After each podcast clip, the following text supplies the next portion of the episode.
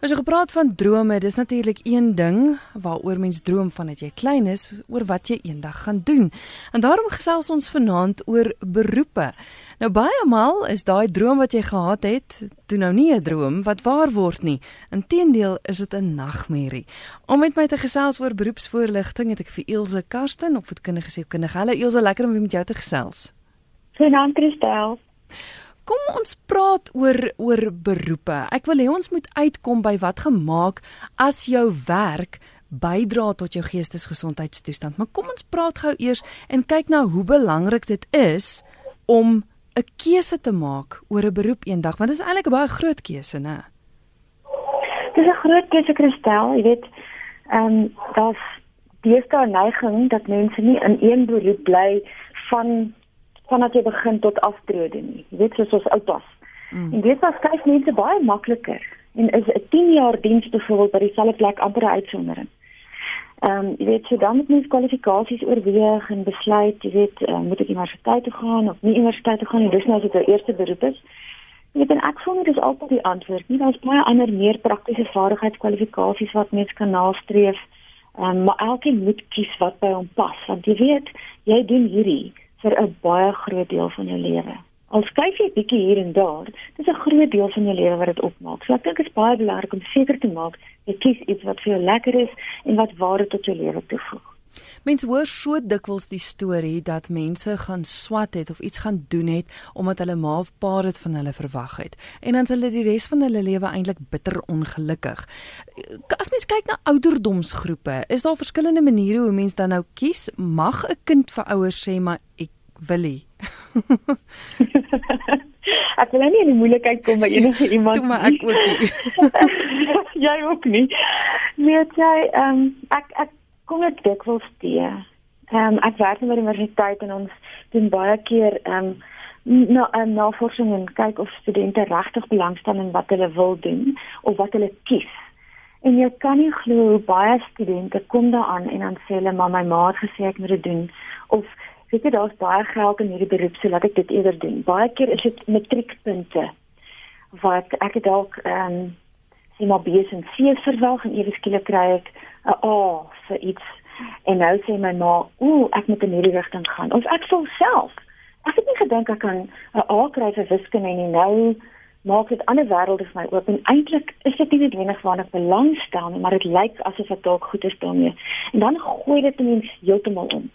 Jy weet, ehm um, die lewe verwag eintlik van jong leerders op skool al om 'n paar keer vakkeuses te maak.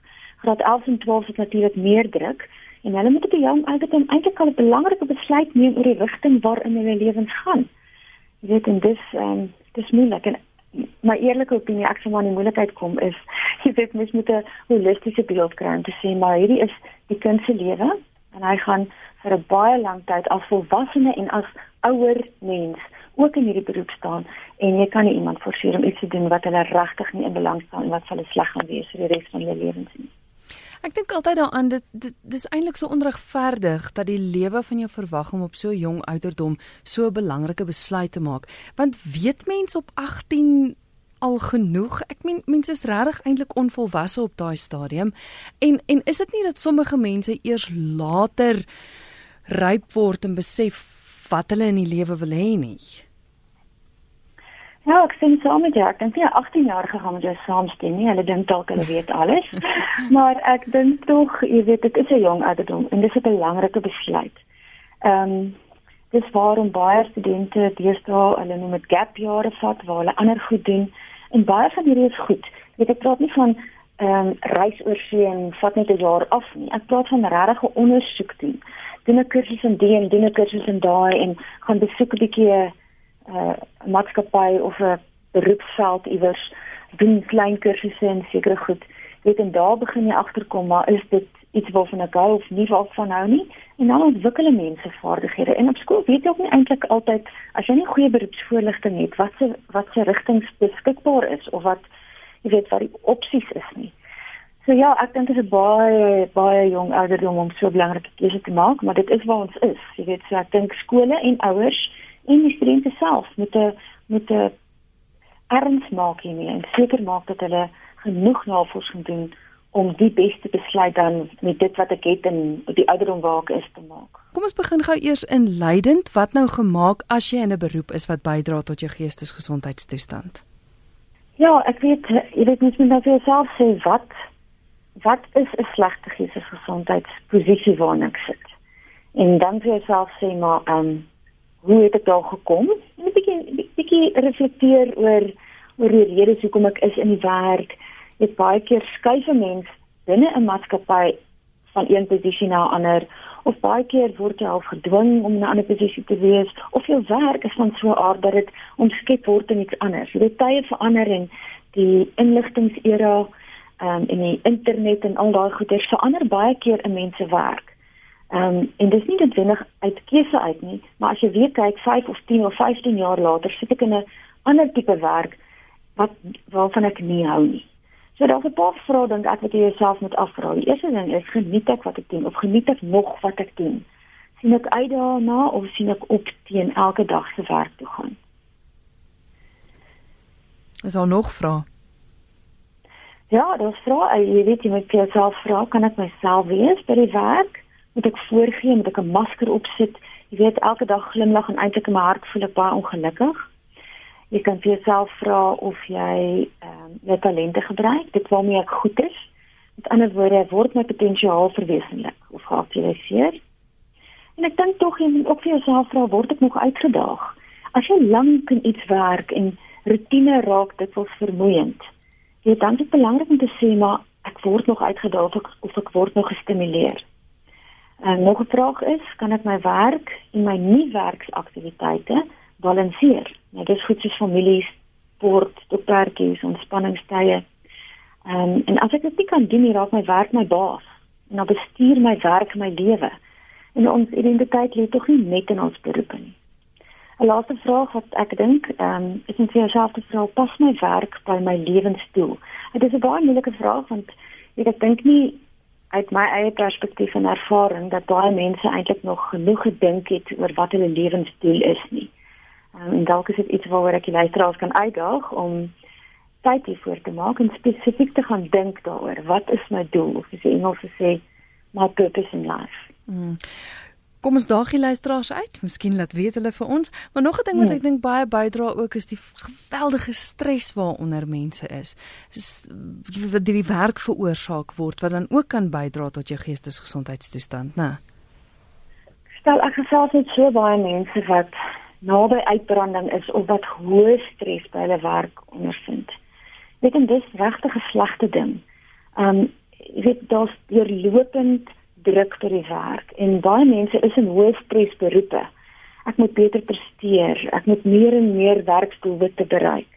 En daar's baie keer 'n personeeltekort en dan moet jy instaan en dit moet geabsorbeer word.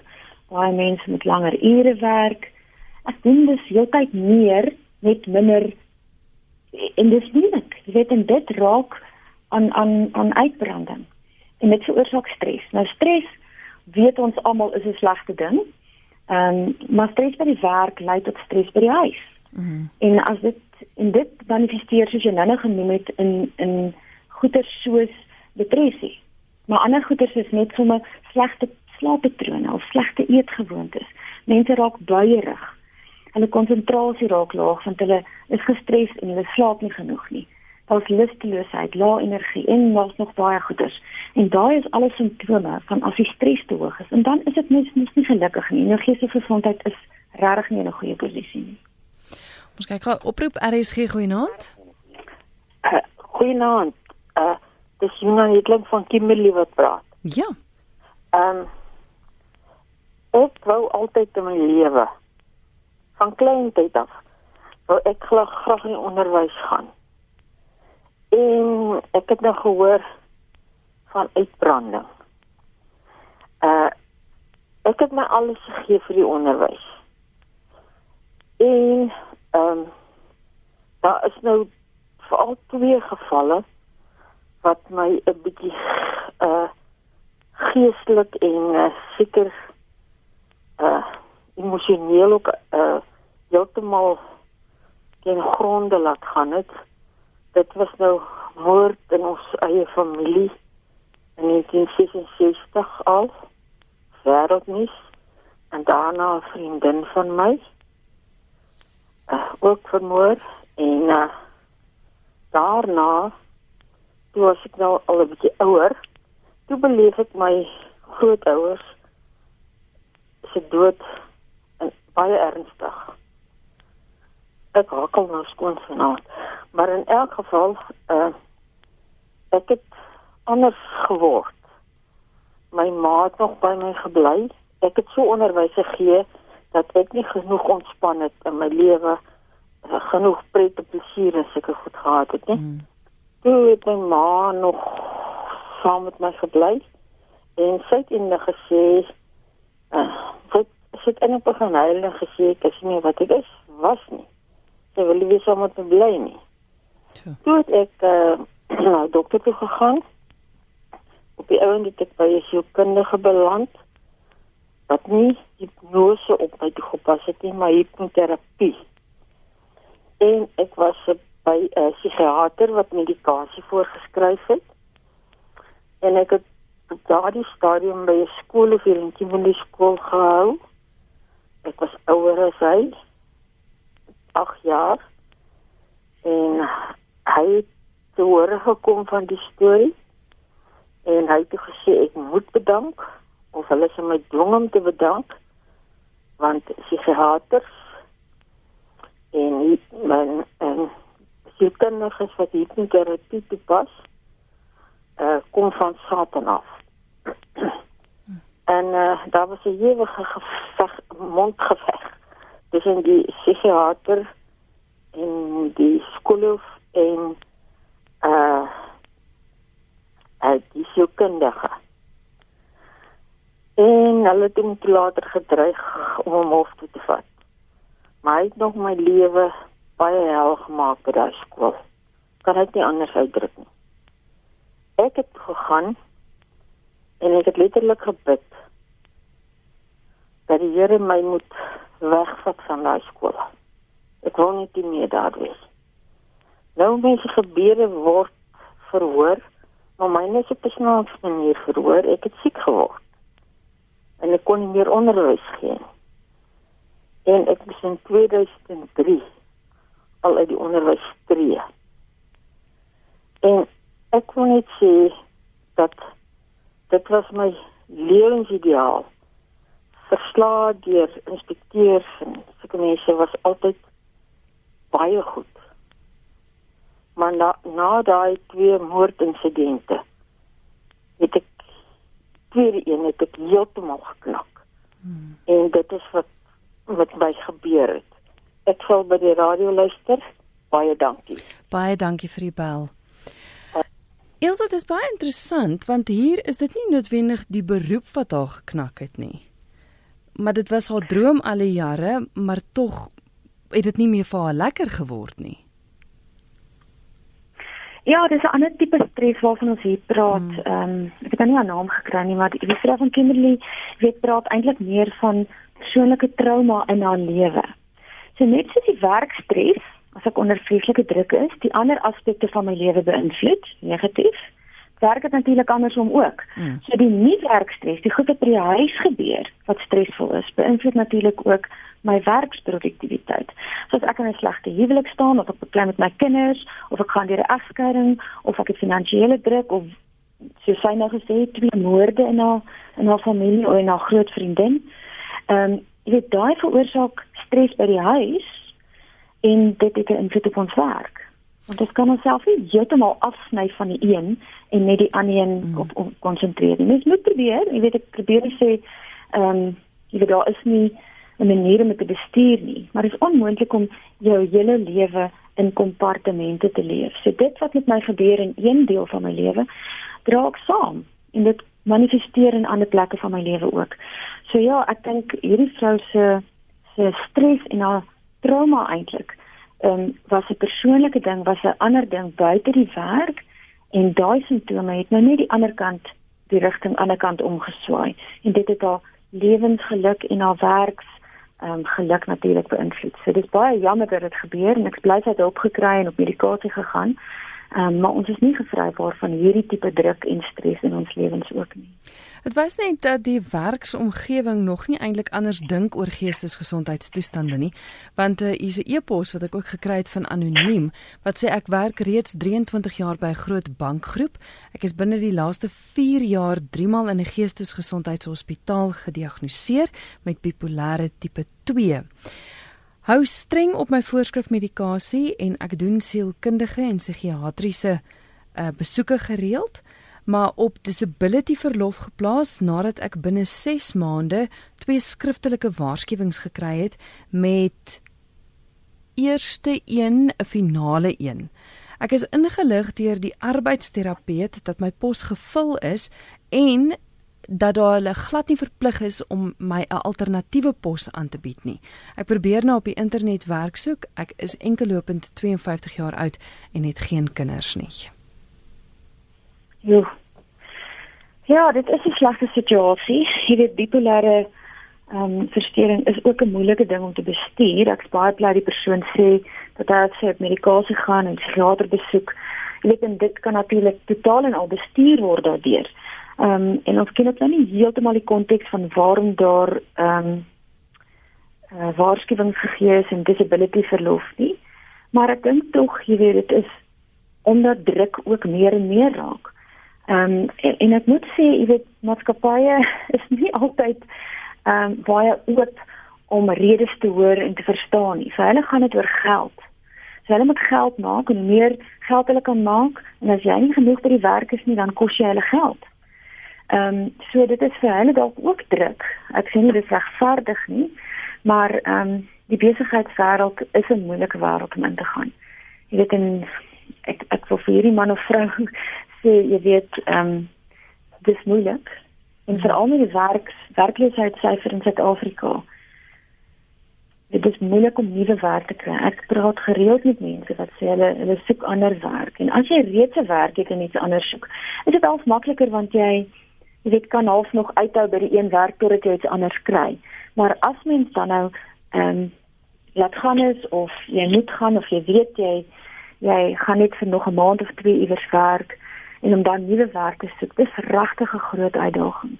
Ehm um, dit is moeilik vir baie mense om werk te kry. En dis hoekom baie mense dan sê maar weet kom ek gaan kyk waarmee ek goed is. Kom ek kyk wat wat om my aangaan en dalk 'n bietjie navorsing doen oor die behoeftes in die omgewing, dalk is daar iets wat ek op my eie kan doen. Hmm. Bietjie entrepreneurskap of ehm um, weet met die mense wat ek ken om te sê maar weet jy ek goed met mense of ek is goed met verkoopsdinge of ek is goed met administrasie. En dan gaan kyk of jy so aan aan aan 'n werk gaan aanhaak of jou eie ding kan begin.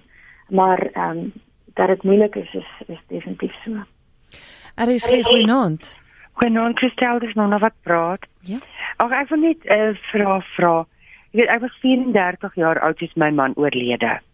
En toe na 3 jaar klaam deur my rouproses gegaan, my kindertjies groot gemaak, een maatskappy vir 30 jaar gewerk toe ek weer getroud. My tweede man, ons was 15 jaar getroud toe hy oorlede. Is nou 2 jaar. Ek is onsaglik, onsaglik bang om weer iemand te ontmoet en ek is gediagnoseer met 'n uh, 'n uh, 'n bipolar en uh, ek was 6 keer al in 'n CDW kliniek. De, en ek ek jy weet toe, toe my eerste man oorlede is, moet ek nou hoor hy met my dokter gepeter. En, en daarna te vind ek uit my seun is gay. Dit, dit weet jy dit, dit voel net vir my ek kan nie meer uitklim. Ek weet nie wat moet ek doen nie.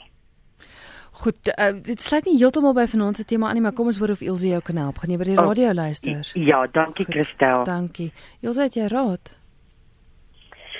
Ja, nou, nou ek dink jy weet in jou situasie. Skus jammer.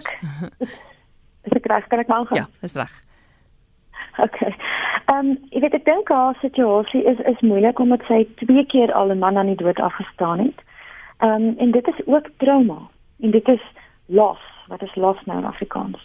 Ehm um, jy weet en ek dink dis 'n dis 'n groot trauma in 'n mens se lewe en dan jou eie kinders jou kinders alleen groot te maak.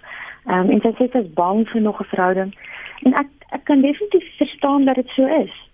Jy weet as mens deur herhaalde trauma gaan, dan is dit moeilik om 'n stap te neem in dieselfde rigting om dieselfde ding te doen en daar's altyd 'n risiko.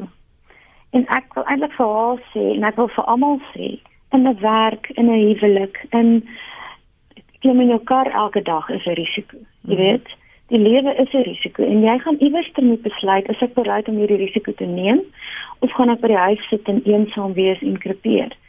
Ehm um, en met eensaamheid wil ek daarin by sê en ek wil sal daarmee afsluit met vir ehm um, jy weet nie hoef nie te trou om nie eensaam te wees nie. Daar's baie ander dinge wat mens kan doen. Jy kan baie goeie vriende maak um, in sosiaal verkeer met baie ander mense. As jy 'n gemengde of 'n gedeelde belangstelling kry soos 'n sport of 'n boekklub of tuinwerk of wat ook al. Um, en dan sê maar ek gaan nie noodwendig soek om 'n huweliksmaat te kry nie, maar net om darm vriende te hê en en met mense om te gaan um, en die lewe te geniet op so 'n manier. Ja, luister na Geestesgesondheid. My gas is die opvoedkundige sielkundige Elsje Karsten en ons gesels oor beroepsvoorligting. Wat gemaak as jy in 'n beroep staan wat bydra tot jou geestesgesondheidstoestand as jy ongelukkig is? Nou anoniem sê ek wil net sê dis 'n treurige posisie om in te wees. Ek pleit, gee asseblief praktiese raad en voorbeelde. Kan jy help, Elsje? Ja, dit is dis 'n regtig moeilike situasie in te wees en ek bedoel ek het nou nou genoem van die die werkloosheidsyfer in Suid-Afrika. Dit is 'n rarige probleem en ek is eintlik baie jammer vir baie mense wat vaardighede het, wat kennis het, wat ervaring het in sekere beroepe en dan nie 'n werk het nie. Jy weet daar's soveel potensiaal wat dan op die einde nie vir ehm um, verwesenlik word nie. So praktiese raad. ek dink jy weet ehm um, dit hang af soek jy 'n beroep of soek jy werk? Hmm. Weet jy as kom ons kyk na praktiese raad om as ek 'n beroep soek, met ander woorde ek wil kies wat ek wil doen. Ehm um, so die eerste ding wat ek altyd sê is ek moet weet wie ek is. Ek moet my persoonlikheid goed genoeg ken en my waardes. Met ander woorde, waarvoor staan ek in die lewe? Wat is my belangrike waardes? Dit kan ek dan dit gaan my dan help om te sê maar wat se werk pas by my. Nee, en daar's baie hulpmiddels op die internet. Persoonlikheidsvraelyste, beroepsvoorligters. Ehm um, jy weet jy kan 'n coach gaan sien of mentors. Ehm um, net om jouself beter te leer ken en te sien maar waar gaan ek inpas. 'n Tweede ding is om jouself te vra maar waar instel ek belang? Ons moet natuurlik werk in 'n werk wat jou interesseer en jou denke stimuleer. Ehm um, baie mense sê belangstelling is nie genoeg nie ehm um, as jy 'n beroep kies nie, maar hulle sê mens moet soek vir iets waarvoor jy passie het. Nou wat ook al jy kies, jy moet belangstel of ten minste of passie of ten minste belangstel in dit wat jy wil doen. Een belangrike ding wat ek as raad sal gee is om te kyk waarmee ek natuurlik goed. Met ander woorde, wat is my talent of wat is my sterkpunte? Baie mense is goed om met mense te werk. Baie mense is goed met rekenaars. Baie mense is goed om ehm um, strategie raak te sien of planne uit te dink. So, jy weet daar's 'n veld in sielkunde wat genoem word positiewe sielkunde. En dis presies wat die woord sê, dit fokus op die positiewe. So, dit gaan oor die dinge waaraan jy goed is. Positiewe sielkunde stel voor dat 'n mens soek na dit wat jy goed in is en dan raak jy nog beter daarin. Uh as 'n leerder op skool byvoorbeeld bo gemiddeld presteer in 'n vak, stuur hom vir ekstra klasse daarin, eerder as om hom vir ekstra klasse te stuur in die vak wat hy net nie deurkom. Oh. Ons almal weet dat ons nie alles goed kan wees nie. So doen goed is doen meer van die dinge waarin jy goed is en waarmee jy toekoms kan maak. Sjoe, dis baie interessante raad. Ja, ek ek dink jy weet mens mens dit gaan oor om 'n beroep te kies om te kyk wat gaan by my pas. Mens moet ook 'n droom hê. Jy weet 'n langtermyn ehm um, doel wat om te sê maar waarheen gaan my lewe? Hmm. Ek weet dit is maklik om te sê jy weet volg jou droom. Dit is nie altyd so maklik om 'n beer te voer maar 'n droom gee vir ons hoop. Dit gee vir ons toekomsvisie. Um, en dit kan hand in hand met jou passie. So dit is goed om drome te hê. Dit gee ons ook iets om na uit te sien. En en dan as jy droom het en dink maar dis waar ek wil gaan, breek dit dan op in kleiner, korter doelwitte en begin jy stappe neem om dit te laat realiseer. En ek dink 'n laaste ding net net hier hieroor praat met mense wat jou goed ken. Ek weet soms het hulle insig oor jou want hulle kyk na jou uit 'n ander hoek of met ander oë. Baie mense kyk na jou en sien dinge wat jy nie raak sien nie. En hulle kan dalk ook vir jou sê, hoorie man, het jy nie geweet jy's so goed in hierdie of hierdie of wat van die of wat van die. Jy is baie keer vasgevang in jou situasies soos hierdie luisteraar is, dink ek. Jy weet en dat mens bietjie buitekant te raad inwin om te sê, maar kom ek kyk of daar nie iemand van buite is wat dalk ook insig kan gee of voorstelle kan maak nie. Hier sê epos wat deurgekom het van Ig wat sê op skool het ek al besluit watter beroep ek gaan volg. Op universiteit het ek het ek agtergekom, maar ek is nie so slim nie. Ek het ophou om in myself te glo en nie eintlik geniet wat ek gedoen het nie. En tog het ek deurgedruk. Tot ek begin werk het en dit was maar 'n stryd. Die keerpunt het gekom nadat ek begin glo het in myself en dat ek die werk kan doen. En toe het ek dit begin geniet en vervulling daarin gevind. Die enigste wat my die laaste tyd laat twyfel het, is die feit dat die ekonomie taai is en ek soveel harder moet werk om 'n bestaan te maak. Ek werk hard. Wat ek optel van Eg is dat hy het in dieselfde beroep gebly as ek reg verstaan, maar sy houding het verander. Ja, ek stem saam, Christel, ek hou baie van wat u sê. Jy weet, ehm um, dis 'n goeie voorbeeld van 'n suksesverhaal eintlik. Mm. Ehm um, houding is 'n is 'n belangrike ding. Ek sê altyd ehm um, mens is 24 uur van die dag saam met jouself. So jy kan 'n vyand wees vir jouself of jy kan 'n vriend wees vir jouself. Jy moet jouself motiveer. Jy's die een wat vir jouself moet sê kom ek neem stappe, kom ek kyk wat kan ek doen? Kom ek motiveer myself. En ongelukkig is dit so dat ons baie keer slegte terugvoer kry of kritiek kry wat ons dan vat en dadelik net glo en jy weet dit beïnvloed die res van jou lewe en dit klink amper of dit met u ge, ge, gebeur het. Ek weet nie waar, hoe of hy of wanneer dit gekom het dat hy besef het hy's nie nie so slim nie. Of dat hy nie in homself geglo het nie.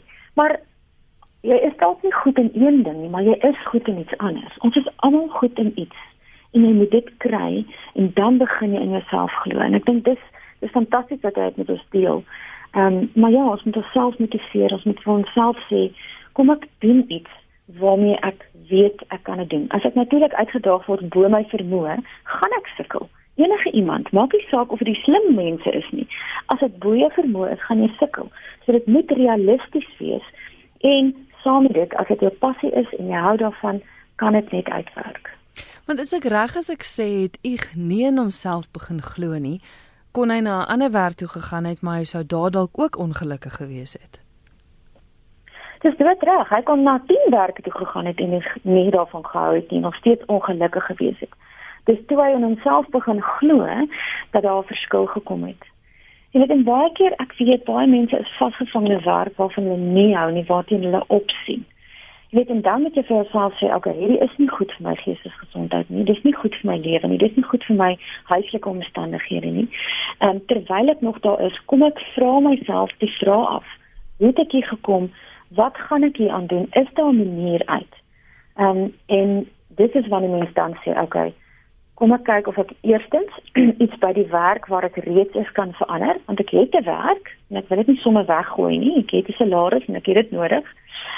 So is daar iets wat ek hier kan verander? Kan ek met 'n HR gaan dit praat? Kan ek met bestuur gaan praat en sê is daar 'n moontlikheid dat ek kan skuif na 'n ander ehm um, seksie toe of jy weet, kan ek my werks ehm um, wat noem dit werksbeskrywing verander dat ek 'n ander rol inneem.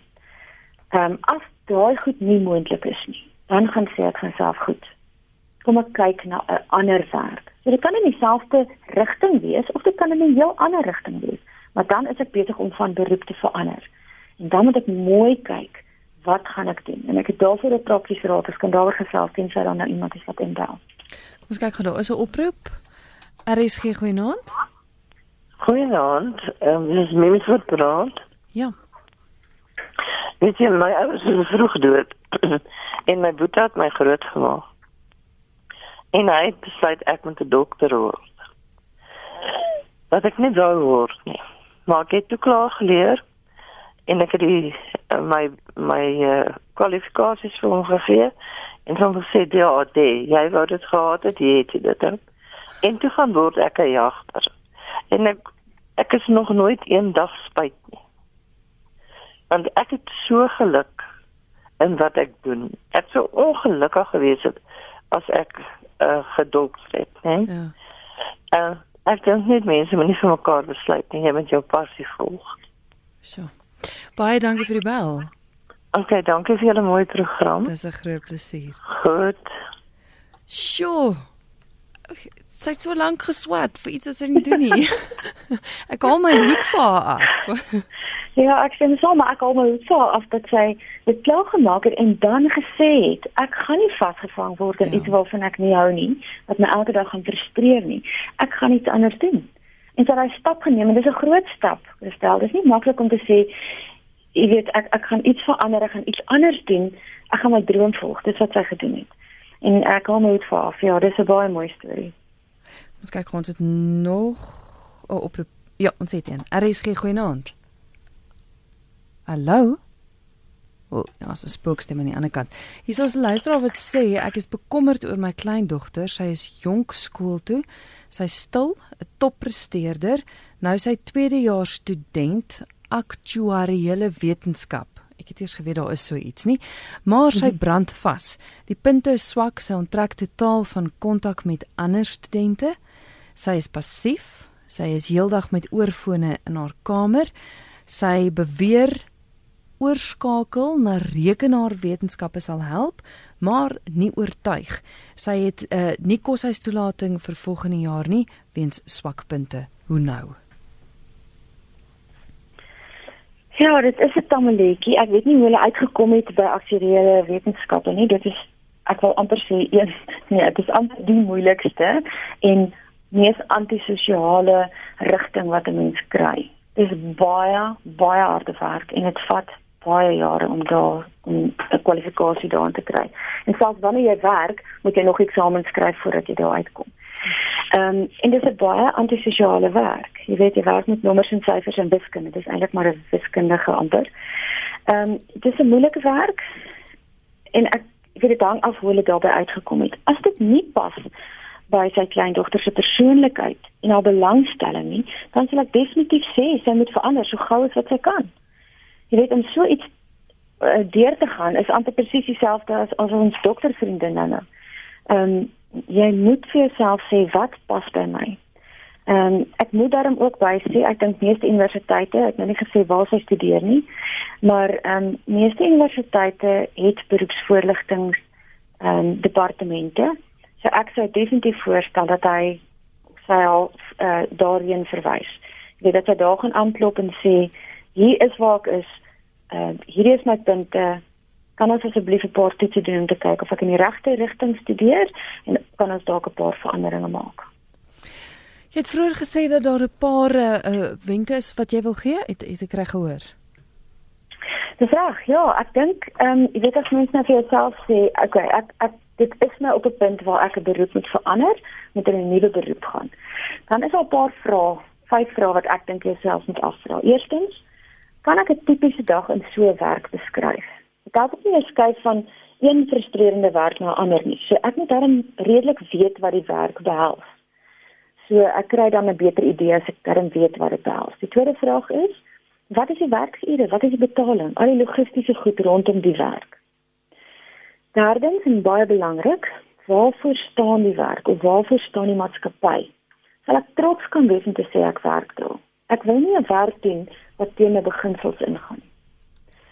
Vierdens, wat die werksgeleenthede in die beroep wat ek oorweeg? Jy baie mense dink hulle kan baie mooi sing en dit is fantasties, maar daar's nie eintlik 'n beroep in dit. Ehm um, wat baie beskikbaar is nie. Ehm um, ek bedoel nie hier sê as jy baie goed kan sing moet jy dit nie oorweeg nie. Ek bedoel maar net dit die werksgeleenthede is baie beperk. En dan laastens dink ek om vir jouself te vra wat moet ek opgee as ek hier werk? Weet, gaan ek baie meer van my tyd in beslag neem? Gaan ek ure in die verkeers verkeer moet sit om by die werk uit te kom? Moet ek dalk vir lang ure uit uh, lang tye uitstedig wees, weg van my gesin? So vra vir jouself daai vrae af en sê vir jouself dan is dit beter of gaan dit gaan dit vir my 'n beter lewenskwaliteit um, gee en gaan dit vir my geestelike gesondheid goed wees om in so 'n werk in te gaan? As die antwoord hoofsaaklik nee is op al hierdie goeders, dan sal ek sê nee, oorweeg dalk iets anders. Ja. Baie dankie vir jou praktiese raad. Die anonieme luisteraar het ook gesê baie dankie, dit maak regtig sin.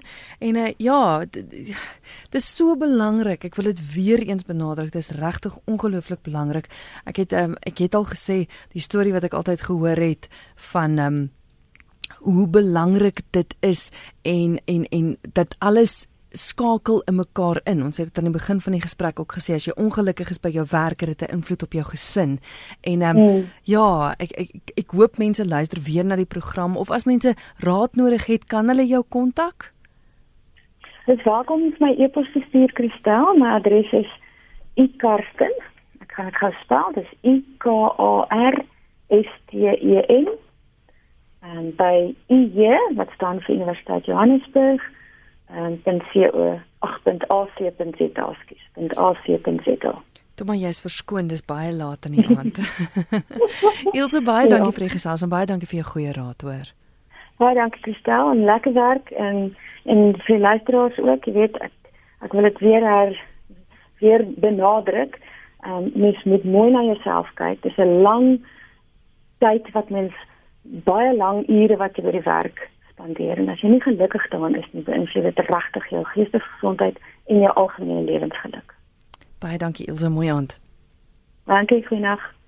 Dis Ilse Karsten op kundige sielkundige met wie ek gesels het oor wat gemaak as jy ongelukkig is in jou werk en hoe dit kan bydra tot jou geestesgesondheidstoestand. Die program sal beskikbaar wees as potgooi op ons webwerf rsg.co.za. Dit sal van môre af wees. En soos ek aan die begin van die program gesê het, asseblief as jy enige voorstelle vir onderwerpe het, laat weet my as daar iets is wat jy wil hê ons weer oor moet gesels, laat weet my by Christel by rsg.co.za.